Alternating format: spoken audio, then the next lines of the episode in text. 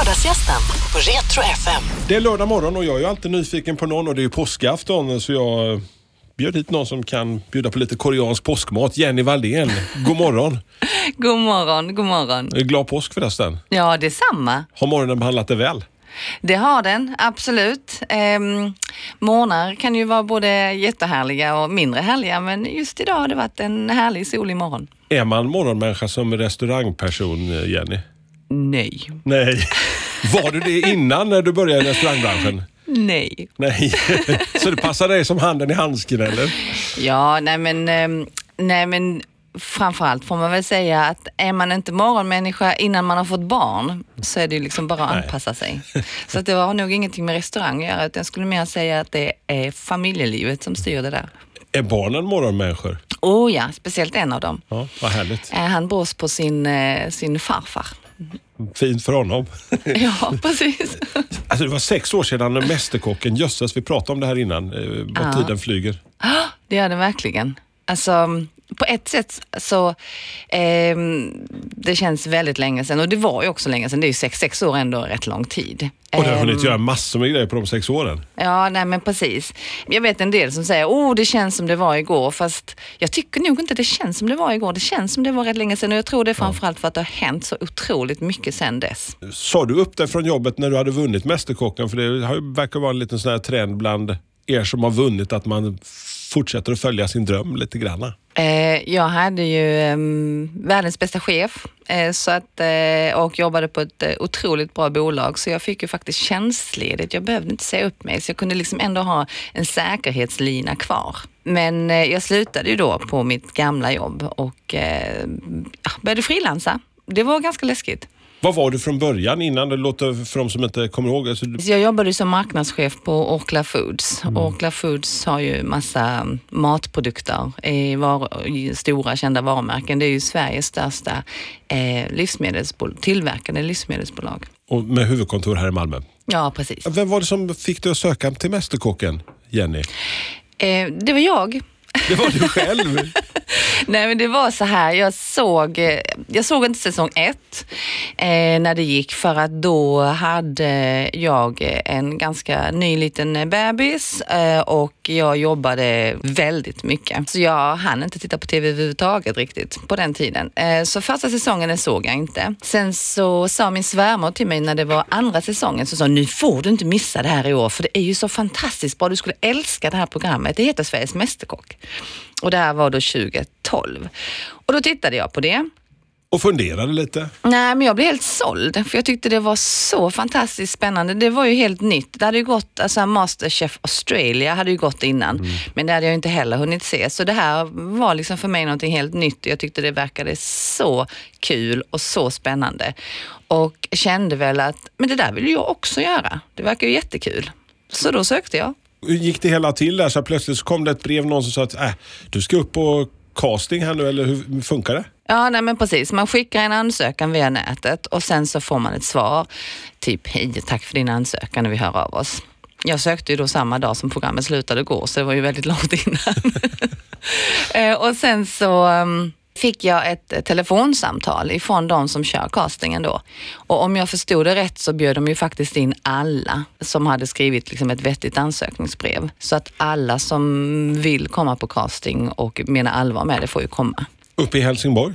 Ja, de hade ju en sån turn- turné kan man väl säga, så då var det ju i eh, Helsingborg och sen så körde de väl i Göteborg och i Stockholm. Vad lagade du då? Det kommer jag inte ens ihåg. Jag kommer ihåg när du vann. Men vad lagade du då som... Ja, alltså första castingen så är det ju inte framför kamera, utan första castingen är ju bara inför tv-teamet där, liksom produktionsbolaget, för att de ska se att man faktiskt vågar prata inför en kamera och inför människor. Och då finns det ingen, finns ingen spis, ingen, alltså finns ingen utrustning överhuvudtaget, utan då får man komma dit med sin maträtt som man då får servera, lägga upp och servera kallt tillsammans med då en radda andra människor samtidigt, för det är ju så väldigt många som söker när det är första castingen. Vad hade du med dig i din lilla eh, kylväska? Nej, men då hade jag ju med mig en eh, koreansk oxtartar. Eller oxcarpaccio var det faktiskt. Jag hade gjort en tolkning på yukshe som en koreansk oxtartar fast jag hade då gjort det som en eh, carpaccio istället. Så lite, lite Korea, lite Italien. Och sen är resten historia och sen när, drog hela cirkeln. när du fick beskedet att du har kommit med, hur reagerade du? Ja, det fick man ju reda på samma dag eller dagen efter och jag tror faktiskt de ringde till mig redan när jag satt i bilen på vägen ifrån Helsingborg så jag blev ju jätteglad för de hade sagt vi ringer och hör av oss inom 24 timmar. Så det var ju jättekul eh, och blev superglad och då tänkte jag nu ska jag få laga mat till eh, den här eh, ganska bistra kocktrion var det då. De är lite gladare nu än vad de var då. Alltså vilka det var Per Morberg på den tiden? Ja, det va? var Per Morberg och så var det Marcus Aujalay och då Leif Mannerström. Och de tre tillsammans eh, var ju ganska barska. Nu är de ju mer uppsluppna och lite gladare. De har liksom förändrats under de här årens gång. Så då tänkte jag, nu ska jag liksom äntligen få laga mat till Leif Mannerström. Det var faktiskt han som jag hade som liksom min, mitt stora fokus. Där tänkte jag, tänk om jag kan få tummen upp av honom, den här gamla legenden då. Så då eh, var det ju bara att eh, liksom göra en mindset skift och sen åka upp till Helsingborg dagen efter. För det var ju direkt dagen efter. Man skulle då gå på castingen med kamera. Så då var du tvungen att packa ihop en kylväska igen med nya prylar och pinoler? Ja, precis. Och då så skulle man ta med sig någonting som man kunde laga på 45 minuter där ingenting var förberett innan. Man fick liksom inte ha med sig färdiga saker. Och då sa de att det är ju för att eh, inte folk ska ha med sig någonting som någon annan har förberett eller ha med sig någonting som är köpt. Så därför så fick man ha med sig råvaror dit och så fick man 45 minuter vid spisen och sen så skulle man då in till de här. Gjorde, du samma carpaccio igen? Nej, det gjorde jag inte.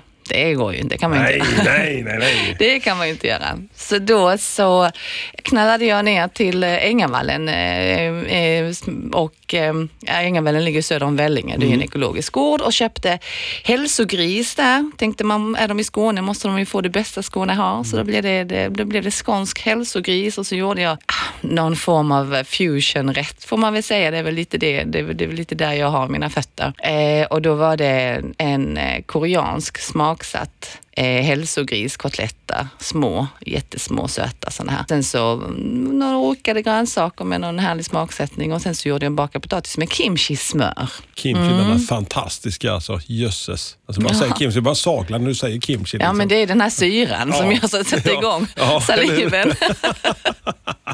Ja, jösses. Och sen, de gillade det, det blev tummen upp och sen drog resan igång. Men jag själv drömt om det. Jag ser de här eh, precis i slutet av eh, varje säsong och så står det så här att "Ja, vill du också vara med i Sveriges Mästerkock? Ja, men sök! Och så tänker jag liksom så här, ja, men tänk, tänk, alltså, tänk, jag funkar inte i bild och alltså, jag, jag, jag älskar ju att laga mat. Jag är verkligen sån superduper halv-hobby, hobby, ha, hobbyproffs. Kan Ja, men det var ju precis som jag. Jag hade väl, alltså jag ska vara helt ärlig, när jag sökte till den tävlingen så trodde jag aldrig att jag skulle vinna. Alltså jag trodde inte ens jag skulle komma till Stockholm. Jag tänkte inte ens de tankarna utan jag tänkte Ha kul. att det var en rolig grej. En, en spännande utflykt eh, första dagen då där med, vi hade, jag hade med hela familjen och mina små, då var ju barnen jättesmå, då var de ju tre och fem knappt. Eh, så det var en spännande utflykt med familjen och sen så tänkte jag när jag skulle gå på andra castingen där och uttagningen med de här kockarna, ja ah, men tummen upp en gång så blev jag glad och så fick jag ju det. Och så fick man ju åka till den här eh, tävlingen, utslagstävlingen i Gävle. Eh, och det var ju också, liksom, allt var ju liksom ett stort äventyr och jag tror för min del, jag tänkte aldrig någonsin, nu ska jag gå och vinna den här tävlingen, sen ska jag byta karriär. Alltså, jag var ju eh, jätte, eh, jag trivdes jättebra på mitt gamla jobb. Hade fantastiska kollegor, en jättebra chef, ett, ett toppen team som jag jobbade med ehm, och gjorde det jag älskar. Jag älskar ju också marknadsföring, inte bara mat. Så att, därför så var det inte så att jag tänkte nu ska jag gå liksom och förändra mitt liv, utan jag tänkte bara att nu ska jag vara med kanske även, ett äventyr. Som trygghetspundare, alltså, så jag, så jag beundrar, full av beundran verkligen. Att ta, ta det där steget. Alltså sen, sen också den resan som du gjorde sen efter Mästerkocken. Ja, och det var ju, det var ju ganska Alltså det var ändå ganska läskigt även om jag aldrig liksom tänkte att nu ska jag inte göra det. Ehm, Jag hade, ju, jag hade jobbat ganska hårt för att jag skulle bli marknadschef och komma på den tjänsten som jag var och jag tyckte mitt jobb var så fantastiskt roligt och så tänkte jag, ska jag bara kasta bort det här nu? Som jag har gått liksom x år på universitetet och sen eh, liksom gjort hundåren för. Ehm, Men så tänkte jag, ah, Fast man kan ju alltid gå tillbaka. Ja. Alltså, är man bra på någonting så kan man alltid gå tillbaks. Så då tänkte jag, ja men då får jag köra på det då. Det som jag inte riktigt hade kanske förväntat mig var ju att jag kom ju från ett ett, em, ett sammanhang där jag jobbade på ett storbolag i en bransch som jag hade varit och verkat i i över tio år. Och det innebar ju att jag hade ju erfarenhet, jag hade ett nätverk, jag liksom visste hur jag skulle, vart jag skulle vända mig och vad jag skulle göra. Eh, Jag förstod systemet, jag förstod alltså alla vägar. Och plötsligt så ifrån liksom det här stora sammanhanget där man jobbade tillsammans med andra människor så kastade jag mig ut själv i någonting där jag var helt ensam. Men hur kändes den känslan där? Men det var ju jätteläskigt. Alltså jag kände inte en människa. Jag kände inte en människa som var fotograf. Jag visste, kände inte en enda matinspiratör, kokboksförfattare. Jag kände inte en enda kock förutom de som jobbade som provkockar på, i vårt provkök på mitt gamla jobb. Så de du ringde eller? nej, nej, det gjorde jag faktiskt inte. Men alltså, jag kände ju inte en enda människa som gjorde det jag gjorde. Och det var ju ganska läskigt. Och den biten hade jag nog inte riktigt förväntat, alltså tänkt så mycket på kring det här med nätverkande och så. Och på den tiden var det också så, det är bara sex år sedan, men det har hänt otroligt mycket om man tittar på sociala medier. Mm. Det var ju inte ens alla som hade ett Instagramkonto på den tiden. Eh, och om man tittar idag så är ju det här liksom så social media communityt så mycket större. Så jag tror att det är mycket lättare för dem som, som gör sådana här förändringar och rör sig mot nya karriärer, bland annat inom mat, att faktiskt bygga upp ett nätverk snabbt. För att det faktiskt går mycket snabbare idag. Men var du på väg att vända i dörren någon gång så jag tänkte att nej, det här var, det här, det här var för läskigt. Alltså, så här, du vet, man står där på stupet och så tittar ner, rakt ner. Nej, men jag visste ju inte heller vad, hur mycket ska man, alltså om man ska åka och hålla föredrag eller göra gästspel. Jag hade ingen aning om vad ska man ta betalt, vad, vad kostar, alltså jag hade inte koll Vad på är jag någonting. värd här idag liksom så? Ja. precis. Äh, Så jag kommer ihåg när jag åkte på mitt första uppdrag eh, som eh, jag fick eh, förfrågan på. Då var det en väldigt försigkommen kommunfullmäktige i Grums i Värmland av alla ställen som kontaktade mig på Twitter. Eh, jag tror det var sekunden som jag vann på TV som det hade sänts. Och hon frågade om jag ville komma till matmässan i Grums som var ja, men typ veckan efter. Klart jag gör det, sa du då. Ja, och jag visste ju inte alls vad jag tackade ja till. Jag hade aldrig hört talas om Grums. Så, Hade aldrig varit i Värmland kanske innan heller? eller? mm, nej, det hade jag ju inte heller. Så att, eh, men det var ju bara, ja, why not tänkte jag. Och eh, åkte dit och hamnade i, mitt ute i värmländska skogen. I, ja, men det var, det var ju en, en liten matmässa, men jag skulle kanske inte kalla det för mässa. Jag skulle kanske mer säga, säga att det var en, ja, men en liten marknad. Litet knytkalas. Så. Ja, ja, väldigt härligt sådant. Eh, men det, det, så det var mitt första uppdrag och det var, jag, men, jag vet inte, nio timmar tåg dit och nio timmar tåg hem. Och eh, men det var väldigt lärorikt och det var ju väldigt, eh, faktiskt väldigt bra att börja på det här lilla, lilla stället första gången man gjorde ett offentligt uppträde så. För att det blev ju, på ett sätt var det jätteläskigt men på ett annat sätt var det inte så läskigt för det var inte så många där så det blev ganska rart och gulligt. Hur många autografer fick du skriva i början? Många signeringar och sånt när första boken kom där? Ja, det var ju jättemånga signeringar. Ehm, nu för tiden så är ju inte folk lika mycket för autografer som de var när du och jag var små, när Nej. man ville ha autograf ifrån Carola och, och Richard Herrey. Liksom. Har du dem eller? ja, ja, Carola sa jag nog. Eh, men eh, utan eh, det, nu för tiden så vill ju folk ta selfies ihop. Så det är ju mer det som, som, Okej. som man gör. Men man signerar ju böcker såklart. Så det har ju signerats några tusen kokböcker har det gjort. Alltså det är ju sex år sedan och det har hunnit bli kokbok och det har hunnit bli kokbok och det har hunnit bli restaurang. Alltså, när bestämde du att du skulle slå upp eh, nere i Malmö, nere vid Lilla torg i Namu? Alltså det här frilanslivet som, som det blev sen, det var ju, eh, alltså efter ett tag så lär man ju sig. Eh, Även om det var liksom inget nätverk och så, så bygger man ju det så småningom och folk är, en del är otroligt eh, generösa och schyssta och en del kanske lite mindre. det finns både och. Men Ehm, eh, man får ju ändå ett kontaktnät och man får eh, kundrelationer och så vidare. Och, och, och också, man lär sig också ett tillvägagångssätt. Vad är, liksom, vad är min produkt? Och vad är mitt varumärke och hur ska jag liksom jobba med det framåt och så. Men det blir ju också för mig var det så här att tillvaron på, alltså jobba med bara frilans, sociala medier, alltså föredrag och så kokböckerna. Eh, jag kände att jag ville ha någon mer stabil punkt att stå på som var liksom mer, vad ska man säga, Din hemmabas. påtagligt. Ja, ja. Alltså, på engelska säger man ju tangible. Alltså det är någonting man precis. kan ta på. Och samtidigt så är jag gift med Jonas, min man. Han har alltid drömt om att ha eget. Men aldrig känt att, liksom, att han kanske haft en idé som skulle kunna skapa något eget som, som skulle kunna bli så stort som han ville. Och eh, han är ju då telekomingenjör. Vad vi då kom fram till var att eh, men det är klart att vi ska göra en restaurang. Men det var inte det som var självklart först. Men framförallt så var det så, jag hade aldrig gett mig in i det om inte det var så att när jag gjorde alla de här gästspelen på restauranger och gjorde event för företag och så, om inte jag hade fått den otroligt massiva positiva feedbacken på den sortens mat som jag lagade och Så du var ute och presenterade. labbade och testkörde det som kommer att bli en del av Namus första meny? Kan man säga. Delar av den fall. Ja, delar av den, absolut. Det var, det var också i sammanhang som jag också kände att, men herregud, de, de här människorna har haft eh, event där eh, men, Mattias Dahlgren har stått framför dem och lagat mat på Chef's Table för de här människorna och ändå tycker de att min grej var riktigt bra. Och det är klart att då får man ju liksom då får man ju ändå en skjuts i, i liksom självförtroendet när det gäller att man har någonting som man tror funkar på en större massa. Men jag menar, där är också det här stora steget som du gör och, och, och familjeförsörjare, du och Jonas, och så eh, starta restaurang. Och, alltså, hur många restauranger och kokböcker dyker upp i Sverige och kanske i Malmö varje år? Men du vågar alltså? Alltså jag hade aldrig gjort det om inte vi hade gjort det tillsammans, han och jag. Eh, jag är ju, jag skulle säga att jag är mer av den kreativa typen. Eh, jag är väldigt bra på nya idéer, kreera, skapa saker. Men han är ju otroligt bra på att, eh, alltså, alltså på operations, på att bibehålla saker och bygga vidare och driva igenom saker på ett helt annat sätt än vad jag är. Så att den kombinationen insåg vi ganska snabbt att vi har liksom en bra kombo där. När eh, hittade ni lokalen och när blev liksom när själva namnet och den? Lokalen den, eh, den knallade vi faktiskt bara förbi av en slump. Johan P låg ju på, eh, på den lokalen som vi har nu och då hade de flyttat ut vid, nyårs, alltså vid årsskiftet 2013-14 Okej.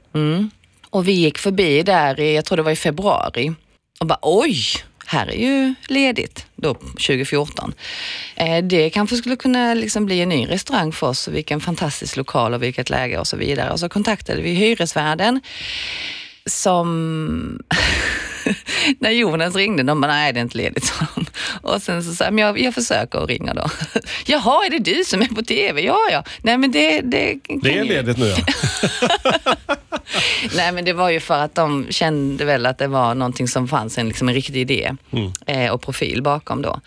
Eh, men eh, så att det var ju i februari som vi kontaktade dem första gången och sen så hade vi då diskussioner med dem fram och tillbaka där de sen eh, satte paus på det hela för att de funderade på om de skulle bygga ut och bygga om i hotellet och så för att det är ju en stor fastighet, liksom hela det kvarteret. Men sen så fick vi åter kontakt i eh, december 2014 eh, och sen påbörjades de riktiga diskussionerna. Så vi såg ju egentligen lokalen tio månader innan vi hade allvarliga diskussioner med dem om att då vi skulle kunna öppna där. Och så skrev vi på hyreskontraktet i april 2015 och sen så var det bara 180 mot öppning. Hur, hur testar man ut det som, så här, du har ju så här, varit ute och labbat och gjort eh, frilansat och företagsevent och så här. För mig, eftersom jag är marknadsförare i grunden, så för mig var det viktigt att ha ett tydligt koncept. Vad är Namo? Vad, eller vad är vår restaurang? Vad ska den heta? Vad ska den stå för? Vilken målgrupp har vi? Eh, hur ska vi nå den målgruppen och hur ska vi marknadsföra oss? Och den målgruppen, vilken sorts, ehm, vilken sorts upplevelse söker de? Inte bara i själva smakerna utan liksom hela paketet runt omkring. Eh, så jag tänkte ju mer i ett helt koncept först innan jag satte mig med en meny. Ehm, för annars så blir det att börja i fel ände. Så att först så satte vi konceptet, hittade ett namn som jag kände liksom att det här, eller vi kände att det här funkar och det här kan vi stå för. Nama betyder ju träd på koreanska. Och eh, symboliken är ju det såklart att trädet det växer här i Malmö men det har ju rötterna till smakerna kommer från Korea. Det är där liksom allt hämtar näring. Ja men lite som, som jag själv växte upp i Skåne och eh, hade mina rötter i Korea. Så att därför så kändes namnet, när vi väl liksom kom fram till att det här blir bra, så kändes det liksom spot on. Och passade också in i det här konceptet på fusion koreanskt svenskt. Jag hade tidigt kontakt med eh, André Nordström som är vår köksmästare. Mm. Långt innan vi öppnade namn, vi hade dialog med honom väldigt långt innan. Eh, och sen så när vi bestämde att vi öppnar restaurangen så skrev vi kontakt med honom och sen så ställde han och jag och eh, Marcus Larsson som är vår souschef också tillsammans oss i mitt kök hemma och provlagade olika grejer för att komma fram till menyn. För det var ju innan vi hade ett restaurangkök som stod färdigt. Var de, hade de någon rutin på, eller du fick ge dem de koreanska influenserna? De, de här Ja, alltså både André och Marcus kommer ju från stjärnkrogsbakgrund. Mm. Um, André har jobbat på Kin Kin i Köpenhamn Eh, bland annat och även på Le Chalemange som är en fransk-japansk fusionrestaurang nere i Bourgogne. Eh, och eh, Marcus som hade varit på PM och vänner hade ju framförallt en klassisk svensk-fransk bakgrund. Men han har också varit köksmästare på Toyo som fanns i Lund innan som hade då ja, med cross asian mm. fusion. Eh, så de hade ju både med sig erfarenhet och så, men sen var det inte specifikt på det koreanska. Så det har vi ju, det är väl det som är liksom mitt största bidrag till köket om man tänker på idag när vi har haft öppet nu i, i oh, herregud, snart fyra år. De kan ju mycket bättre än jag hur man liksom driver ett kök med med förberedelser, olika tekniker och hur man liksom lagar mat till 140 pers eh, och gör riktigt, riktigt schysst mat till så mycket människor. Den kunskapen besitter inte jag på det viset som de gör och det är ju de som driver köket, det är inte jag som driver det. Utan det jag gör är att eh, jag, jag kommer med den koreanska piskrappen med de koreanska smakerna och att de ska in och försöka ge dem inspiration när det gäller koreanska rätter och så. I början provlagade vi ju allting tillsammans, men det gör vi inte längre därför att de har ju efter då de här fyra åren har de ju också tagit på sig mycket erfarenhet. Har du skickat iväg dem till Korea på lite träningsläger eller? Inte än. Eh, vi har varit i eh, London och eh, käkat runt på koreanska restauranger. Det finns ju alltså närmre att hämta inspiration också. Vi har också varit i Berlin där det finns en hel del koreanskt. Koreansk barbecue? Ja, precis. Det finns både i Berlin och i London finns det väldigt mycket av det. Själv åkte du över till Korea och hämtade ännu mer inputs under den här resan som pågick mellan Mästerkocken, restaurangen och för att få, för jag menar, mm, både hitta råvaror, leverantörer och allt det här liksom. Uh, men absolut. Uh, jag uh, blev ju adopterad från, Sverige, eller från Korea till Sverige när jag var sex år. Mm. Uh, sen så åkte jag tillbaka som vuxen mm. och försökte hitta mina rötter och pluggade där och åt mig igenom ja, mm. hela ja, paletten av... Precis. Um, och sen så um, 2013 när jag då hade vunnit Sveriges Mästerkock så hade jag ett gästspel på Årstiderna by the Sea här i Malmö. Där det var en kvinna som var åt där som var helt lyrisk som berättade det för sin granne. Och hennes granne han har ett sommar, sommarbostad bredvid henne. Och eh, där det visade sig att det var ju då Bengt Nordén som är före detta, detta medlem i eh, Nobelutskottet där, mm. i juryn på vilka som väljer vilka som ska få Nobelpriset. Och han är då verksam i en organisation som då eh, försöker få fler ungdomar runt om i världen att välja då eh, kemisk ingenjöriska studier. Mm. Eh, och eh, då hade de en symposium det året i Sol. Så då kontaktade han mig och frågade om jag ville dit och, och hålla ett anförande. Uh, och jag gick in och googlade på deras sida och såg att det var ju bara massa nobelpristagare där som hade varit och pratat. Och jag tänkte bara, alltså, han måste ha mejlat till fel person. Men det hade han inte, för tydligen så är, har de då en, en inspiratör utifrån som inte är nobelpristagare eller som inte är framstående forskare inom fältet och som mm. kommer mm. in och inspirerar på andra sätt. Så då fick jag följa med till Sol. Och det var Eh, det var ju en fantastisk resa, men också blev ju startskottet för mig för att åka tillbaka till Korea nästan årligen sen. Så, efter det. Så att det, det har blivit några turer Ja, ja men absolut. Eh, och det är klart att vi var, vi var i Korea och köpte massa saker till restaurangen. Alltså alla bestick. Vi har ju metallpinnar som är vä- väldigt karaktäristiskt för det, det koreanska besticken. Där äter man med långa smala skedar och långa smala metallpinnar. Eh, så en del gäster som kommer till restaurangen tror att man har metallpinnarna för att ja, men det är bra att man kan diska dem. Men vi har ju dem för att det är det man äter med i Korea. Det är så? Ja, det är det. Så de har vi varit och köpt där och vi köpte porslin och vi köpte massor med saker till inredning och så vidare innan vi var, alltså innan vi öppnade Namo. För att vi skulle då ha koreanska, eh, koreanska saker i restaurangen och atmosfär. Och växa upp och ha en mamma som jobbar med re- i restaurang det måste vara världens smäckjobb. Eller är du så att du, du lagar faktiskt vanlig, vanlig sån där mat som kids gillar? Spagetti, kött, köttfärssås och, eller eh, blir det att styr du till det lite grann hemma i köket när du ska laga hemma till familjen? Ja, men det blir ju såklart. Alltså vardagsmaten blir ju som vardagsmaten hos andra människor. Ehm, Även om man har restaurang? Ja, det är inte så att jag står... Jag, är, jag har inte mer tid till att stå i köket en vardag än kanske någon annan mamma eller pappa har. Ehm, så att det blir ju ganska vanlig mat. Sen så blir det ibland lite, lite exotiska inslag och lite annorlunda. Och, men tyvärr så är det så att mina barn är inte de barnen jag känner som eh, äter allra mest olika nya grejer och bara hugger in i nytt. Utan de kan vara lite tve, mer tveksamma än andra barn jag känner som verkligen bara, oh jag äter chili, jag äter ingefära, oh jag äter, eh, ja men du vet. Men när, när, det, när det är fredagsmys hos familjen Valdén, vad, vad serveras då? Ja, alltså om Dante som är nio år får välja så är det helst tacos, men det är väldigt sällan. Och jag tror att det är för att det är sällan som man vill äta det helst. Eh, men det kan, vara, det kan vara allt möjligt. Det kan vara att det är eh, massa skaldjur. Då brukar barnen få, eh, de gillar inte skaldjur så mycket, du hör ju själv. Ja, precis. Eh, så att eh, då brukar det bli eh, nej, någon form av enklare fiskrätt till dem och sen så äter jag min man skaldjur. Ehm, och det är väl kanske det som jag tycker är det allra göttigaste. Liksom. Men ehm, det kan vara, ja vad kan det vara? Nej men you name it, det kan vara allt möjligt. Ibland så, det jag, jag tyckt att det är väldigt härligt den här vintern har ju varit att vi har kört mycket shabu shabu hemma och eh, sukiyaki och hotpot. Och då sitter du och tänker, vad säger jag? Det, det, men, men förklara för mig som inte jag trampar i något minfält här nu. Alltså, shabu shabu är, från början är det japanskt, men det finns väldigt många ställen i Korea också där man äter shabu shabu, precis som det finns jättemånga ställen i Japan man äter koreansk barbecue. De är ju väldigt nära besläktade med varandra, de här köken. Och också låna mycket influenser ifrån varandra. Men shabu shabu är helt enkelt, man har en, en kastrull som puttrar på bordet, så man måste ha någon form av värmeinstallering eh, eh, på bordet eh, och så har man då en kastrull eller en, en någon finare gryta som står och puttrar med någon god buljong i och sen så doppar man då, eller så lägger man faktiskt i massa olika då, eh, grönsaker och kött som är otroligt tunt skivat och sen så är det då tofu och svamp.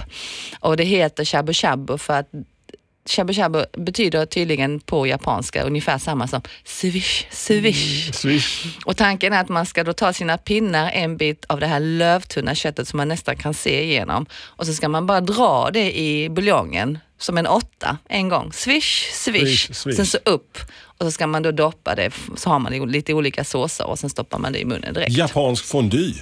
Ja, men det kan man säga, Ja, absolut. Och sen så när man har ätit upp sin, sitt kött och sina grönsaker och tofu så eh, har ju eh, buljongen reducerat ner och tagit smak av allt det som har varit i själva grytan. Och då dänger man i nudlar som då får koka och ta smak av den här goda buljongen. Och är man ytterligare hungrig sen, då har det ju reducerats ännu mer. Då tar man ris som då är kokt och så vänder man ner riset i det sista. så Inget det får blir som- förfaras. Precis, precis. Alltså det här låter ju, alltså vilken alltså fredagsmys. Va? Ja, nej, men eller hur. Men du, det här med Korean barbecue, jag måste fråga dig. För mina barn sitter och tittar på eh, några amerikanska killar som åker runt och testar eh, det bästa och det, av, av alla olika saker. Och så var de bland annat och testade Korean barbecue. Liksom. Förklara för mig, vad är så enkelt? Kan jag göra Korean barbecue hemma eller är det någonting man äter på restaurang? Det verkar ju så väldigt gott, väldigt kryddigt och väldigt mycket kött. Ja, men det är klart man kan göra Korean barbecue själv hemma och det är ganska ofta när vi har gäster hemma som jag bjuder på det. Eh, jag gör också det väldigt ofta till familjen men nu, nu har de ätit det så mycket som tycker inte det är liksom. Inte en gång till mamma. Nej, men Dante tycker att det är mer spännande med tacos än med Korean barbecue. um, men det är, alltså det är klart man kan göra det hemma och det är ju eh, man, det som är med Korean barbecue egentligen är att man ska ha en bordsgrill, men man måste inte ha det, för de flesta svenskar har ju inte det. Utan då kan man faktiskt eh, grilla eller steka köttet på en grill ute eller på mm. spisen, skiva upp det och sen servera med alla de här tillbehören. Och eh, det finns ju en klassisk, eh, eh, alltså, som man då kallar för bulgogi, som man grillar och det betyder helt enkelt eldkött. Bu alltså bokstavligen. Jag har sett den här såsen i livsmedelsbutikerna som finns att köpa någon koreansk variant där. Eller som man kan hälla på. Bulgogi står det på den i varje fall. Ja, ja och bulgogi betyder bokstavligen eldkött. Okay. Eh, och det är ju själva, eh, och det är inte för att det är starkt utan det är för att ett enligt tradition så grillar man det över eld. Så det är kött som är över eld. Eh, och den, eh, det är ju smak, det är ju marinad som är smaksatt då med soja och vitlök, eh, med sesamolja och eh, lite sötma. Ofta kan man ha lite mm. socker eller en skvätt apelsin, eller förlåt, äppeljuice i. Ehm, och eh, där man då marinerar köttet i det här och sen så, så grillar man det eller steker det. Och sen så är det viktigt det att när man har det här Korean barbecue, det är liksom hela, hela liksom settingen för att då ska man ju ha en, alla ska ha varsin skål med ris. För koreaner är riset heligt, man måste mm. ha en mm. egen skål. Mm. och sen, nej, och sen, men allt annat äter man ju då, delar man på. Mm. Och då har man kimchi, man har olika inlagda marinerade grönsaker som kallas för namul. Och sen så har man en sås som heter samsås och sam betyder helt enkelt inlindat. Eh, och det är ju som små salladswrap för koreaner älskar att äta mat i salladsblad. Och då har det är man... jättepraktiskt att ha det som en liten, man har ju, slipper disken dessutom. Ja, och det ska ju inte vara eh, miss, misstolkas ibland, för ibland tror folk att det ska vara som en stor taco, alltså som ett stort salladsblad. Men man ska egentligen ha ett litet paket så att man lägger bara lite kött i, lite sås och sen så poppar man liksom in hela paketet i munnen. Det är den optimala fingerfooden här riktigt alltså. Ja, det är, och det är det som är härligt för att man sitter och plockar och man tar lite det man själv gillar och så vidare. Och desto fler grejer man har på bordet, desto härligare är det ju. Koreansk påsk, finns det något sånt? Alltså det är påskafton då idag igen. Mm. Nej, Alltså, eh, alltså det är ett land som är konfucianistiskt, eller framförallt mm. buddhistiskt slash konfucianistiskt och kristet. Men där man har eh, lite olika kristendomsinriktningar och så. Så att eh, det är väl inte så som i Sverige att oh, alla firar påsk. Eh, utan man är... Affärerna firar påsk med lite påskharar och så eller? Ja, ja, men man är säkert medveten om påsken mm. för att allt som är kommersiellt det tar man ju liksom tillvara på. Mm. Eh, så även om inte koreanerna kanske hemma har eh, en julgran till exempel så är det ju ändå julgranar på stan överallt för och man, alltså man uppmuntrar till liksom, konsumtionen och firandet såklart. Men det är inte så många som kanske firar det hemma så som vi gör och äter massa ägg och letar. Eller de blir mer influerade av USA såklart. Mm. Jag tror inte det är så många så här Easter bunnies som springer omkring. Nej. Förutom i varuhusen i Korea. Kör ni någon touch av, av, av påsk på Namu? Eller? Alltså vi har ju vår vårmeny. Mm. Vi har ju precis bytt den. Vi byter ju eh, meny efter säsong. Eh, så att eh, det är vårmeny. Härlig vårmeny med massa våriga smaker. Om jag ska nu hem och göra någon liten enkel här, eh, någonting som inte kräver liksom ett år av förberedelse och en miljard ingredienser. och en miljard ingredienser. Alltså för det är så här, alltid min fru säger så här, ja, men du bara fyller hela ditt skafferi. Vet, jag har ju så här, vill ju ha ett basskafferi. Jag tror att jag driver restaurang där hemma. Aha. Så det blir väldigt mycket, inte lika mycket omsättning som på en restaurang med alla burkarna som sorteras ut. Sådär. Ja. ja, men det tycker jag är positivt. Det är ju, det är ju så någon som är riktigt eh, matintresserad har ju det så. Alltså, även innan jag började jobba med, med matlagning professionellt. Eh, eller, som mat, eller innan jag började jobba som matinspiratör så hade jag ju även då skafferi som nästan öppnade sig själva. Så jag antar jag att det är det du menar. Mm. Ja, de också. står lite grann på glänt. Jag har svårt att, Jag får gömma saker in sig där. Och sen en, gång- en gång om året så här på, på sommarkanten så här, får jag göra en liten så här djupdykning. Så här, oh, titta, den gick ut för tre år sedan. Oh, titta där. Ja, men jag känner igen det där. Eh, men eh, om du vill ha tips på någonting som är lätt att laga Mm. och som man inte behöver ha massa krångliga ingredienser för. Som ändå ger en liten skön asiatisk touch som ändå är lite så här lagom. Ja, alltså jag skulle säga så här. ehm, nu för tiden så är det ju väldigt stor skillnad på vad man kan hitta i butik jämfört med hur det var för sex år sedan. Det är faktiskt jättestor skillnad. Eh, jag hoppas ju att eh, jag också har varit med och bidragit till det. Men ehm, mm, eh, jag skulle säga så här, en riktigt bra sesamolja gör ju alltid så att du får den här nötiga koreansk eh, japanska smaken. Eh, man kan också, i vissa recept så kan man byta ut saltet mot en skvätt soja. Alltså om vi bara ska tänka liksom rent generellt. Men jag skulle säga, om man vill ha en liten asiatisk twist på någonting som man ändå kan laga, alltså enkelt. Ehm, jag skulle säga baka torskrygg. Nu, just nu har vi, finns det ju skrej ett kort tag till. Eh, köp en bit riktigt schysst eh, rygg av eh, torsk eller skrej. Ehm, och sen så häll på lite soja, lite sesamolja i en djup form. På med, ett, eh, alltså på med eh, plastfolie på. 100 grader, absolut inte mer än 100 grader för då kan plastfolien, den kan ju, eller den här gladpacken kan ju smälta då. Och så in i ugnen i en 20-25 minuter. Och sen så får du en perfekt liksom, sån här väldigt, eh, väldigt eh, eh, saftig och skivig och mjuk eh, Så det funkar alltså att ta med, med för jag, jag har hört att man kan göra det men alltså, bara man inte blåser på till mer än max 100 liksom, så går det. Ja men alltså gladpack funkar till 100 grader, inte mer. Wow. Eh, och då blir ju fisken ånga där inne i liksom under. Om du har liksom själva gladpacken ovanpå hela liksom formen. Och sen så kan du woka lite, nu är det ju sparris så istället för att steka sparrisen i smör så kan man ju bara ta med lite vanlig, eh, bara steka sparrisen och sen så kan man ju faktiskt om man vill kan man göra ett sojasmör med lite eh, svart kinesisk vinäger i. Nu kör jag bara på här bara. Ja, Men jag pratar om att man kan, för jag tycker det är härligt att man kan sätta en annan twist på klassiska grejer. Vill man köra mm, så här helkoreanskt, då gör man ju en uh, yukshe. Alltså jag vet, jag sa det innan, yukshe är ju koreansk råbiff. Det kan alla göra. Eh, och förutsatt att man gillar råbiff, det är inte heller alla som gör. Då tar man en bit, en riktigt bit fin, eh, fin bit innanlår.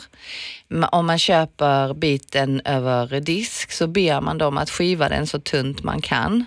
Alltså så tunn lövbiff som går att få. In i frysen när du kommer hem eh, efter jobbet och sen på kvällen tar du fram den och låter den stå, eh, alltså bara tina lite grann men så den fortfarande frys och sen så skivar man den i så tunna skivor man bara kan så det blir liksom små, små, små smala strimlor.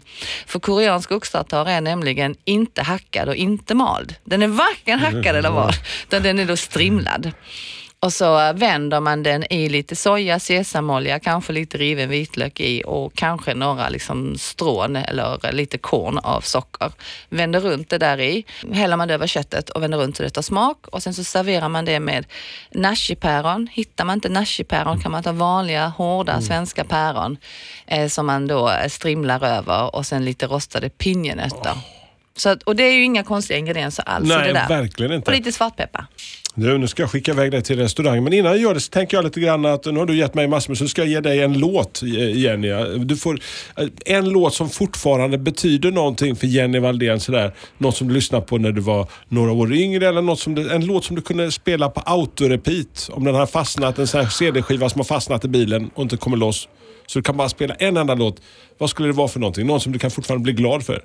Jag älskar ju Alicia Keys och eh, hon har gjort eh, eh, en duett med Jay-Z som heter Empire State of Mind. Åh, fantastiskt. Det är nog visst, min- Storstadskänsla i den du. Ja, eh, ja, eller hur? Eh, jag har ju bott i New York också så att eh, Jag förflyttar mig till New York när jag hör åker jag ju den. dit varje gång. Ja. Alltså att man åker dit och så är man där och är 22 år varje gång. Ja, men vi är väl fortfarande nu Jenny? Forever 17. ja, precis. Ja, det finns ju en klädeskedja som heter Forever 21. Ja, precis. Det är en anledning till att Exakt. Hänga med kidsen lite grann. Ja, ja, men eller hur? Ja, men du, eh, Jenny Wallén, fantastiskt roligt att träffas och prata. Eh, glad påsk och så lyssnar vi på Li- Alicia Keys. Ja, härligt. Glad påsk. Lördagsgästen på Retro FM.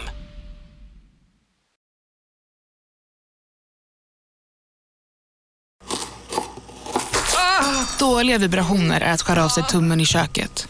Ja! Bra vibrationer är ett och en tumme till och kan scrolla vidare. Få bra vibrationer med Vimla. Mobiloperatören med Sveriges nöjdaste kunder enligt SKI.